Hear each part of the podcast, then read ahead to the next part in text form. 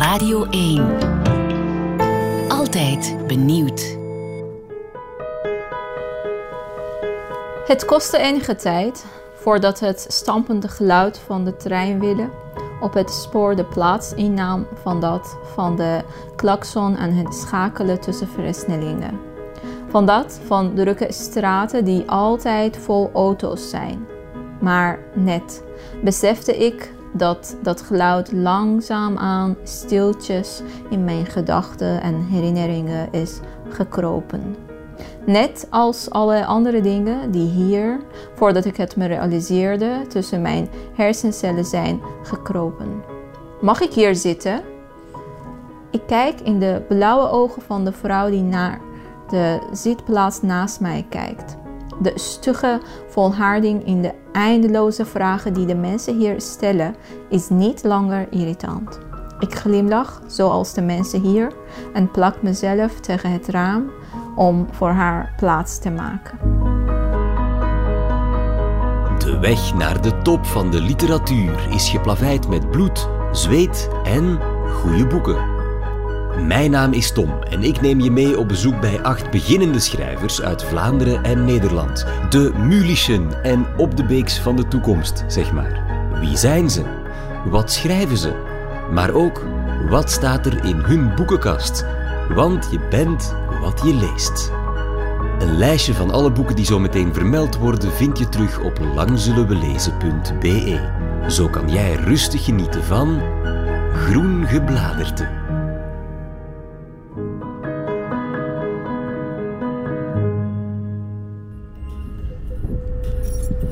Zo, ik heb net geparkeerd op een pleintje met bomen, vlak buiten het centrum van Amsterdam, in de schaduw van een gigantische, maar echt gigantische woontoren. Het leuke aan die woontoren is dat de voet ervan bestaat uit allemaal identieke rijhuisjes. En in een van die rijhuisjes woont Sholeh Rezazadeh. Die werd geboren in Iran, kwam in 2015 naar Nederland, leerde toen Nederlands, won in 2018 haar eerste literaire prijs en bracht uh, nog geen jaar geleden haar eerste roman uit, die ondertussen goed op weg is om een hit te worden. De hemel is altijd paars. Die heb ik gelezen en nu wil ik kennis maken met die fascinerende, debuterende auteur. Hi! Cholet, waar in deze prachtige flat staan de boeken? Daar, in de woonkamer. Wauw, en dat is een... Uh, even licht aan. Een aanzienlijke boekenkast die een hele wand in beslag neemt. Zit er een, een orde in? Zijn ze alfabetisch gerangschikt? Uh, nee, gewoon uh, ja, alles in elkaar. Ik denk dat ja, boek, boeken moeten ook elkaar een beetje leren kennen. Je wil niet als een uh, woordenboek alleen maar met allemaal andere woordenboeken staan. Of omdat je oranje bent, moet je alleen maar met oranje boeken. Het is een waanzinnig interessante boekenkast, want er zit natuurlijk het verhaal achter van het feit dat jij, uh, jij hebt in 2015, ja. heb jij dan pas Nederlands geleerd? Of sprak jij daarvoor al Nederlands? Nee, ik, uh, ja, dus ik kwam hier en toen begon ik met uh, Nederlandse lessen en het leren van taal. ja. ja. Wat was jouw eerste Nederlandstalige boek? zo interessant is het niet, omdat ik ging naar taalschool. Ja? Dus het was gewoon een studieboek van uh, taalschool. Hier staat echt ja. ik, jij, echt vanaf nul. ja, in het begin was zeker een soort van, oh jee, dit is echt helemaal anders. dus ja, ik heb ze echt, uh, al die uh, studieboeken, ik heb ze echt uh, minimaal twee, drie keer, drie keer echt gestudeerd. maar dit is dus echt een boek dat jouw leven veranderd heeft. Ja, zeker. Letterlijk, ja. ja. toen mijn boek net uit was, ik heb een briefje gestuurd naar Maud, de schrijfster van dit boek. Niet zo lang geleden zat ik bij jou in de klas en ik, heb, ik heb van jou Nederlands geleerd en nu is mijn boek uit. Wat was ja, de zij was heel blij. Zij zei, oh wow, het is uh, heel cool. Ik ben echt heel benieuwd. En ja, zeker. Ik gebruik dit boek, maar ook... Ja, iedere keer dat ik naar dit boek kijk, dan denk ik aan die grijze dagen die ik zat in les. En ik dacht, oh jee, wanneer ga ik dit echt leren? Ja. ik was, in, eh, ik was eh, eigenlijk sinds mijn jeugd eh, bezig met, niet bezig, maar ik had het idee van, ik wil schrijver worden. Mijn ouders of mijn omgeving zeiden, ja nou, je moet iets serieus doen, weet je. Je moet geld verdienen, je moet geen Ja. baan hebben en dit en dat. Toen ik hier kwam, ja, alles was veranderd in mijn leven. Dus ik dacht, ja, nu is, de, nu is het moment. en ik wilde ook me niet echt eh, vreemdeling voelen in een nieuw land. En ik dacht, ja, dus eh, ik moet het gewoon doen. Ik moet eh, Nederlands leren en het Nederlands te schrijven. En dan wordt het Nederlands en Nederland mijn plek. En Ja. ja, ja dat was, ja, dus toen dacht ik, ja, ik moet gewoon letterlijk vanaf eerste dag taal leren. Ik had geen andere optie. Laat, laat ons dan eens eh, verder in de tijd gaan door die boeken. Je zei net van, ik heb door kinderboeken te lezen Nederlands Ja. geleerd. Eh, ja, dus een van de, zeg maar, allereerste was, ehm, ja, dus dit heel klassieke, Jip en Janneke. De Jip en Janneke. De dikke Jip en Janneke die we allemaal hebben. Ja, en eh, ik, dus ik was vooral op zoek naar boeken die Nederlanders lezen als ze klein zijn. en eh, ja, dus kwam ik bij Jip en Janneke. Mm. Wat vond je van Jip en Janneke? Ja, leuk. Ja, want het is wel heel erg Hollands. Zo. Ja, het is echt heel, leuk. andere humeur of andere mentaliteit. Ja. Eh, ja, hier heb ik eh, dat niet, maar ik heb ook eh, best veel Nijntje gelezen. Die konijntje. Ja, ja, natuurlijk. Toen ging ik naar boeken die ik, ik al had gelezen in het Persisch. Dus ik wist dat waarover ze gaan. En ik wilde ze ook in het Nederlands lezen. En ja, een van ze was Tsjechov. Ik ben eh, een soort van groot fan van Tsjechov. Ja. Ik probeerde eh, tijdens lezen een beetje te denken dat, oh, hoe was het in het Persisch? Of een beetje gewoon vergelijken in mijn hoofd. Ook met het idee van, eh, ja, als, als ik bijvoorbeeld iets wil zeggen in het Nederlands, in, op een literaire manier, hoe wordt het in het Nederlands en hoe wordt het in het Persisch? Of soms vergelijk ik, eh, ja, soms Wauw. vertaling is heel echt anders. Ja, De Rus Tsjechov heb jij in het Persisch gelezen. leren kennen. Ja. Om hem dan in het Nederlands te herontdekken. Om zo je eigen taalgevoel te ontwikkelen. ja.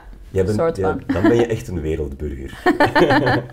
Voor mensen die Tsjechov niet kennen, wat schrijft Tsjechov? Ze noemen hem eh, vader van korte verhalen. Hij schrijft eh, op een manier die, die je leest en je denkt, hmm, wat lees ik eigenlijk? Is het, gaat iets gebeuren of gaat er iets worden?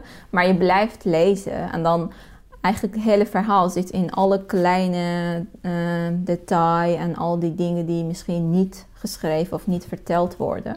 Dus je hebt heel simpel eh, setting, heel simpel eh, karakters, heel, niet echt heel druk of zo, maar toch heb je het gevoel dat, oh, wat, wat eh, diep of wat eh, interessant. Of, oh ja, ik voel, ik voel dat ik heb iets gelezen. Ik word heel blij als ik, als ik een boek lees en denk ik, oh, zo heb ik nog nooit nagedacht. Of, oh, dat heb ik nog nooit echt gezien. Eh, Kunnen we eens naar jouw Persische afdeling gaan? Ja, hier moet je mij helpen. Die zijn boeken die ik heb eh, in Iran eh, gelezen. Zelfs misschien die heb ik echt twintig jaar geleden of zo gelezen. Maar ik heb meegenomen omdat ja, ik wil Ja. het gewoon bij me hebben. Die ziet er, wel, die ziet er heel goed gebruikt uit, deze. Wat heb ik nu in mijn hand? Dit heet eh Sovashun en is van eh, Simin Daneshwar. En zij is ook een van de ehm, vrouwen die heel bezig was met verhaal, kort verhaal in Iran. En eh, van de ene kant heel simpel, simpel verhalen, maar van de andere kant heel diep. En dan doet je denken. En, en zij schrijft ook vaak over Iraanse een beetje verborgen volken. Dus die Ehm, ja, of verhalen die, die je niet zomaar eh, tegenkomt. Dus iedereen weet over Perzische cultuur, dat, dat kennen heel veel mensen. Maar zij heeft ook vooral over andere volken in Iran die ja, misschien heel veel mensen niet daar, daarover hebben. En dat vind ik interessant. Ehm, die dunne boekjes hier, is dat, is dat poëzie of zijn dat romans? Nee, ik heb eigenlijk hier mm, geen poëzie. Het is alleen maar romans. Het zijn dunne, dunne romannetjes. Ja, het is eigenlijk eh, als, als ze in het Persisch dus ehm, mm, vertaald worden door de letters en zo, dan wordt het echt heel eh, dunne boeken. Dus eh, misschien ken je, ja, je, ken je Marquez. En, Ja, hij heeft altijd dikke boeken. En dit, Ja. dit zou ook eigenlijk dik moeten zijn, maar omdat in het Persisch eh Ja, ja, gedrukt je is. hebt hier een Marques in Ja. het Nederlands. En dan, en dat die- is zo dik. Maar hoe komt dat nu, dat Persisch zoveel korter is? Ja, dus kijk die letters. Want al die krulletjes moeten er toch op? We, we hebben heel weinig eh, afstanden tussen. Zie je? Ze, Ja. ze, ze- mm, dus je hebt eh C en P en Z en dan achter elkaar, zonder echt eh, Ja, zonder afstand tussen de letters. dus dat neemt gewoon En veel ook eh, plaats volgens mij die kwaliteit van papier is een beetje anders. dunne En, eh, plaatjes. ja. En misschien een boek waar je, waar je toch ook een, een persoonlijke band mee hebt. Ja, dus ik heb ehm, mm, Christian Bobin. Eh, titel is Isabel Brouche. Ik, ik heb hem echt ontdekt. Ja. Omdat eh, het is, hij is niet heel beroemd. Misschien nu wel, maar toen zeker niet. En eh, ik vond het heel interessant aan hem dat ehm, mm, hij schrijft boeken die, als je terugkijkt, je weet niet eens wat het verhaal was. Terwijl je eh, aan het lezen bent, je bent de hele tijd aan het genieten van, oh, oh, oh. Dus al die, ehm, hij gebruikt taal heel mooi en dan iedere keer kom je mm, iets eh, achter dat je denkt, ah, zo kan het ook. Ik zou zeggen dat misschien toen ik hem las en ik zeg, ja, oké, dus je kan zo schrijven en je kan in Frankrijk wonen en dan je boek wordt zelfs vertaald in andere talen en mensen gaan jou lezen. Dus ja, waarom, Ja. waarom ben ik bang voor? Een boek dat jou, ehm, dat jou geraakt heeft. Waar je ofwel verdrietig ofwel boos van geworden bent. Maar een boek dat iets met jou gedaan heeft. Eh, ja, dan ga ik voor iets die ik konde bijna niet doorlezen omdat het zo pijnlijk was. Dit is van Dalton Trumbull. Johnny Got His Gun. Ja, dus vanaf de eerste pagina's dan komt echt een soort van pijn op je hart. Dat, eh, dus het gaat over een ehm, Amerikaanse soldaat. Hij komt eh, langzaamaan achter dat ja, hij, hij heeft geen benen meer, geen handen. Eh, hij kan zelfs niet zien, praten, horen, niks. En dan, dat, dat, en dan denk je, hoe? Dus oorlog kan met één persoon misschien zoveel dingen doen. En dan denk je aan alle miljoenen mensen die eh, hoe dan ook eh, in aanraking zijn gekomen met oorlog. Of, eh, en het, ga, het gaat maar door nog steeds. En dan denk je, "Oeh, wat een wereld. Ja. Tranen, zweet. En ik kon echt niet ademen. Maar ik wilde gewoon doorlezen. Om, dus wat ik zei, gewoon te zien dat, kijk, dus dit, dit is gebeurd met één persoon. Heb jij een favoriete Nederlandstalige auteur? Ik lees best veel- Ja. niet veel, maar wel. Maar ja, eerlijk gezegd, het is niet echt mijn eh, smaak. Nee. maar ik vind ook eh, ja, Ja. Bel- Belgische schrijvers eigenlijk een stukje beter dan. Eh, omdat eh, het gaat toch een stukje dieper. Of, ehm, of kleurrijker. Of ik weet niet wat het is. Maar of een van de eerste boeken die eh voor de hele tijd aan mij geraden was van, de, van Het Smelt van eh Lise. Ja.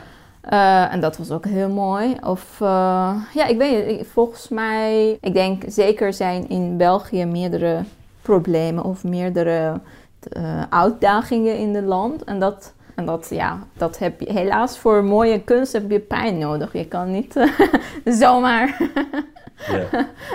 En ook vooral hoe goed is dat mensen hier zoveel lezen. Dat verbaast me. Dat eigenlijk bijna bij iedere verjaardag krijg je boek als cadeau. Of mensen dat hebben altijd echt budget voor boeken kopen en zo. En dat is heel waardevol. Ja. Misschien niet eh, Nederland, maar ik ben ook best groot fan van Herman Hesse. Ik, ik, heb, ik had hem best lang geleden gelezen, maar recentelijk ik had weer behoefte om weer te lezen. En dan wat ik zei in het Nederlands. En eh, dat was eh Siddhartha. Een heel eigenlijk simpel verhaal over eh, een eh, jongen die een beetje op reis is, op, op, eh, op zoek is naar rust of naar geluk of zo. En dan komt allemaal verschillende mensen tegen die eh, helemaal niet bezig zijn, maar toch heel rustig en heel gelukkig zijn. Dus bijvoorbeeld is een man die de hele tijd eh, bezig is met mensen van een, an- van een ene kant van de rivier naar andere te brengen. En hij doet helemaal niks anders, hij heeft geen andere gedachten. En, En, en Siddhartha heeft de hele wereld gereisd om te zien dat, oké, waar hoe kan ik rust vinden hoe kan ik geluk vinden? En dan, dan heb je een man die alleen maar dat doet en helemaal, zeg maar, tevreden is. En dan, dat vind ik heel grappig. Dat, eh, en ik denk dat is ook een beetje het verhaal van ons tijd. Dat je ziet dat mensen zijn heel bezig met eh, meditatie, met yoga, met... eh, en dan daardoor worden ze alleen maar onrustiger. Dit is Groen Gebladerte, een podcastreeks over acht debuterende schrijvers. Straks hoor je nog welk boek ik van Sholeh Rezazadeh absoluut gelezen moest hebben. Maar eerst haar eigen debuutroman, De hemel is altijd paars. Argavan is een jonge Iraanse inwijkelinge die vanuit de kringloopwinkel waar ze werkt aansluiting zoekt bij haar Nederlandse omgeving. Maar haar tere, gevoelige ziel botst op verwachtingen, cultuurverschillen en de rauwe herinnering aan haar opiumverslaafde vader. In een zinnelijke, poëtische stijl dompelt Sholeh ons onder in de verlangens en de eenzaamheid van iemand die verdacht veel van de auteur zelf weg heeft. Die eh Agawan, hoofdpersoon, lijkt best veel op mij. Maar ja, de grote deel is ook niet autobiografisch. Dus eh Mees, eh, Johan, Anna, ze bestaan niet. Of ja, ik ben... Je hebt ik, geen tweedehands Nee, ik heb geen eh, kringloopwinkel. Jammer. Of, Ik heb eigenlijk die cultuur van kringloop hier ontdekt. Het is, eh, maar vooral haar vader en haar relatie met haar vader, dat, was, dat zou ik zeggen, dat zijn echt mijn herinneringen. Klopt het? Ik heb ergens gelezen dat je in het Persisch bent beginnen schrijven Ja, tot op het moment dat het over de opiumverslaving van je vader ging. En toen ben je Ja. in het Nederlands verder gegaan. Klopt Ja. dat? ja goed gelezen. Waarom? Eh, ja, het was voor mij ook eh, een verrassing. Voordat ik eh, dit boek schreef, ja, ik, ik had met niemand daarover gehad. Of het was nooit onderwerp voor mij. Maar ja, blijkbaar die nieuwe taal had een ruimte aan mij gegeven om daarover te kunnen schrijven. En ja, opeens ja, zag ik dat ik heb een eh, hoofdstuk geschreven over, over mijn vader en over het moment dat ik achterkom dat hij verslaafd is. Of, eh, ja, ik denk het, eh, die afstand eh, tussen mij en de taal. En ja, dat zorgde dat ik, eh, ik kon makkelijker praten over iets die zo moeilijk was. Laat ons het hebben over eh, de rest van het boek natuurlijk, want er staat zoveel in. Ehm, je hoofdpersonage, Argavan, een, een eh, jonge eh, immigrante. Ze leeft een beetje in haar eigen universum. Dat is Ja. haar voornaamste kenmerk, is dat ze voortdurend verdwijnt in dagdromen. Ja. En in allerlei fantasieën. Heb jij dat ook? Ja. ja, zeker. En dat heb ik ook een beetje misschien geleerd, omdat ehm, ja, in- bij ons eh, thuis was niet echt eh, altijd goed. Dus ik, ik moest soort van even weg. En dan, dat was in mijn hoofd. Dus of, of nou even boeken lezen is, of gewoon zitten dag te dromen. dus ja, zo ben ik ook echt. eh, ik ben de hele tijd weg. Ja. Ja, dus mijn verhaal is niet alleen maar over in, in Iran hier in Nederland, maar over in, in eh, iemand die ja, van, van binnen anders is of andere blik heeft in de, wereld, in de wereld van heel veel mensen die de hele tijd tegen haar zeggen: nee, maar doe maar normaal. Of eh, ja, maar zo gaat het niet. Of zo werkt het niet. Je moet toch, je moet toch eens studeren. Je moet toch een goede baan hebben. Je moet toch goed verdienen. Je moet toch eh, dit doen, dat doen. Een van de gevoeligheden die jouw hoofdpersonage heeft, is dat ze zich verbonden voelt met de natuur. Ja. En dat er worden bomen aan de overkant van haar eh tweedehandswinkeltje omgehakt. En daar is ze kapot van. Het is alsof Ja. er mensen vermoord zijn Ja. voor haar. het verhaal of het boek begon toen ik echt een, zo een berichtje kreeg van eh gemeente dat die bomen hier gaan eh, afgekapt worden en waar, waaronder ook die bomen naast ons. En ik was heel erg bang voor boom voor mijn huis. Ja. Hier zo op het plein. Ja. Dus daar, toen, toen had ik een soort van echt heel, heel raar gevoel dat, hè? En, en vooral zo- toen ik een bericht las en daar stond, ja, die bomen zijn te oud en dan- is het gevaarlijk dat, eh, die valt op de hoofd van mensen of dit soort dingen. Wat? Maar dat gevoel heb ik vaker, dat ja, waarom, waarom zijn we zo egoïstisch en waarom zijn we zo altijd voor onszelf? En eh, ja, dus alle, alle dieren gebruiken, natuur gebruiken, alles gebruiken voor Alsof ons. het normaal is. Ja, en dan terwijl zoveel, misschien hebben we ook niet eens nodig. Eh, Tussendoor, wat mij opviel in het boek, eh, vertelt Argavan ook dat de dertiende dag van de lente in Iran natuurdag is. Ja. En dat iedereen dan in de natuur moet ga- gaan picknicken of zo. Ja. Is dat echt zo of heb je Ja. dat verzonnen? Nee, het is echt zo. En toevallig is ook mijn verjaardag die dag. Wauw. Maar geboren op natuurdag. Hoe toeval. Maar dat is fantastisch, een natuurdag. Want, eh, Ja, dus dat, dat, dat missen is- we hier. Ja, dat is echt dus verplicht dat eh, je moet eh, van ochtend tot 's avonds naar de natuur. Dus zelfs als onweer is, maakt niet uit. Dus hier is 2 april.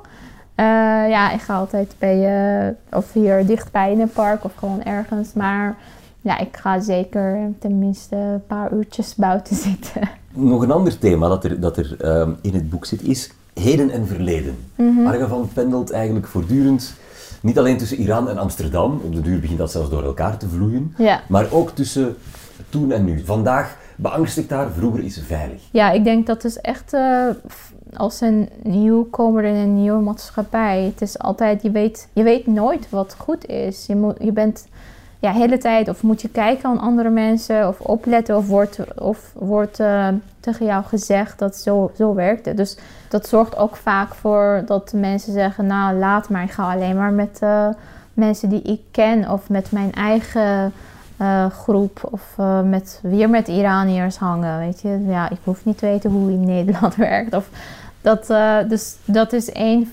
één van de dingen die gebeurt. Maar ja, andere kant is dat al- als je wil in maatschappij zijn en één van zijn, dan, ja, dan zit je de hele tijd twijfelen over wat nou goed of niet goed is. Wat is cultuur, wat is iemands gewoon gewoonte of ja, wat is beleefdheid? Beleefdheid is ook heel anders. In, in, in Iran is beleefd als je juist niks vraagt. En dan hier is heel onbeleefd als je niks vraagt.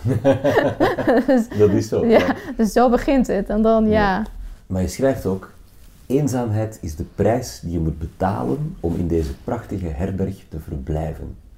de eerste dagen dat ik hier was, eh, ja, ik voelde, ik voelde dat echt. Het was, ik had echt het gevoel van, niemand heeft eens tijd voor me. Iets soort van, dus, dat was ook voor mij heel nieuw. Dat als ik met iemand wilde afspreken, ja, dan moesten we afspreken en dan over drie weken. En dan in de beste optie krijg je twee uurtjes. En dan gaat het weer tot minimaal eh, drie weken, één maand later. En dan, ja, hoe, hoe, ga, je, hoe ga je iets opbouwen zo? Ik lees even de allereerste bladzijde van jouw boek voor. Ja. Eerste druk, maart 2021. Tweede druk, april 2021. Derde druk, april 2021. Vierde druk, mei 2021. Vijfde druk, juni 2021. Zit je al aan de zesde ondertussen? Ja, Is het echt zo? Ja, ik heb Ja. een oude versie. Wauw. jullie. Dat is... Waan, dat is... Wat een succes. Eh, ja, gelukkig. Ja, maar dit is zeer uitzonderlijk. Hoe voel je je daarbij? Ja, sommige hoofdstukken, ik heb echt met, eh, met echt eh, iedere woord met tranen geschreven. Dus eh, zoveel van mij ziet daar.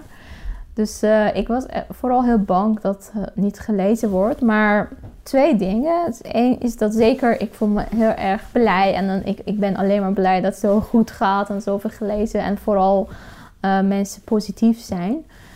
Maar van de andere is dat eh, het geeft ook heel veel hoop. Dat, eh, oh, dus, dus die thema's waarover het gaat. Er zijn mensen die dat ook hebben gezien of hebben gevoeld of daar behoefte aan hebben. En jij hebt dat opengebroken. Dat is het Ja. succes. Ja, dus dat was ook een van mijn eh, bedoelingen. Dat te laten zien dat, kijk, introvert zijn of gevoelig zijn of iets anders willen, is niet raar. Je hoeft niet veranderen. Je, de wereld om je heen moet veranderen. Weet je, waarom moet jij veranderen? We hebben genoeg extroverten die, eh, die alleen maar voor bepaalde dingen gaan. En dit is het resultaat van eh, hun. Dus ja, laten we ook de andere kant even proberen. Elk van mijn gasten mag mij één huiswerkboek opleggen dat ik gelezen moet hebben voor onze ontmoeting. Cholet koos voor Een kamer voor jezelf of A Room of One's Own. Het iconische feministische essay van Virginia Woolf, waarin die het recht van een vrouw bepleit om voor zichzelf te denken, te handelen en te schrijven, in een tijd waarin geen van die dingen evident waren.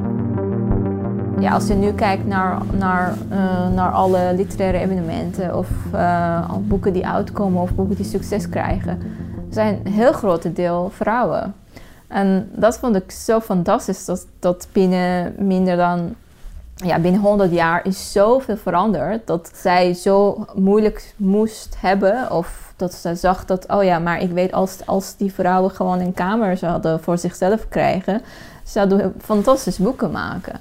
En, uh, en nu, dat gebeurt het. Virginia Woolf bedoelde natuurlijk met een, een kamer voor jezelf in de eerste plaats intellectuele vrijheid. Ja. Maar ze bedoelde ook wel degelijk, letterlijk, een schrijfplek Ja. en geld. Ja. Wat is jouw kamer voor jezelf? ja, ik moest geneeskunde studeren en dat was zo zwaar. En ik had eigenlijk helemaal geen tijd voor niks anders. En dat, dus dat gevoel ken ik. Dat, ja, ik mm, ja, zij heeft over vrouwen die moeten de hele tijd voor kinderen zorgen of uh, schoonmaken of zo. Ja, voor mij was iets anders. Ik moest de hele tijd iets studeren waar, waar, waar ik helemaal niet geïnteresseerd was. Dat werd je opgelegd. ja. ja. Um, het is veranderd. Ja, nu heb ik andere zorgen als een schrijver. Ja, je moet allemaal andere dingen doen om, te, om tot geld te kunnen komen. Of je hebt nog steeds die vraag van... Oh, schrijver is een beroep? Uh, of uh, hoeveel per uur uh, schrijf je? Of dit soort... Ja. ze proberen toch jou categoriseren in hun men mentaliteit. Maar dus ja, die zijn kleine dingen. Maar ja, dat gevoel heb ik zeker, ja.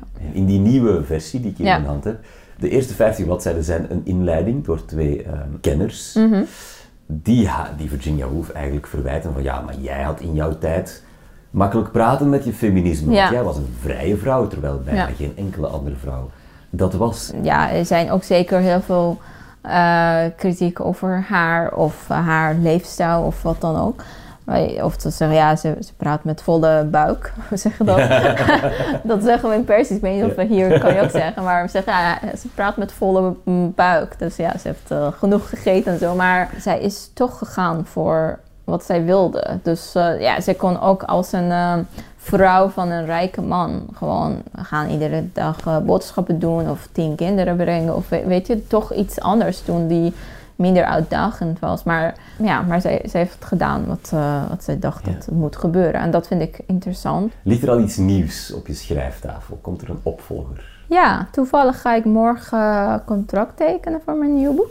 Maar het enige die ik kan zeggen is dat in dit boek ehm, had ik de hele tijd een, een, een boom in mijn hoofd. En nu is een eh, riviertje aan het stromen. En, eh, dus eh, ja, dus dat kan ik zeggen.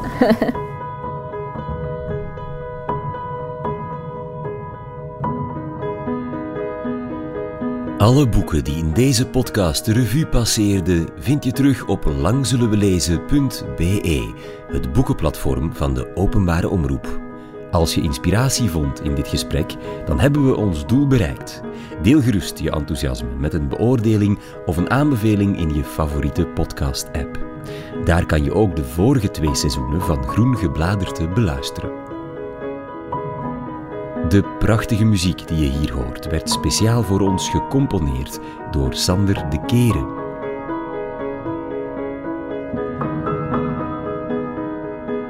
Groen Gebladerte kwam tot stand in samenwerking met Sabam for Culture. Een podcast van Lang Zullen We Lezen voor Radio 1.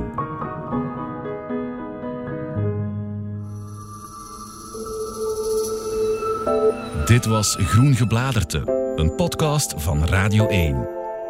Ontdek nog meer podcasts van Radio 1 in onze app of op radio1.be. Radio 1. Altijd benieuwd.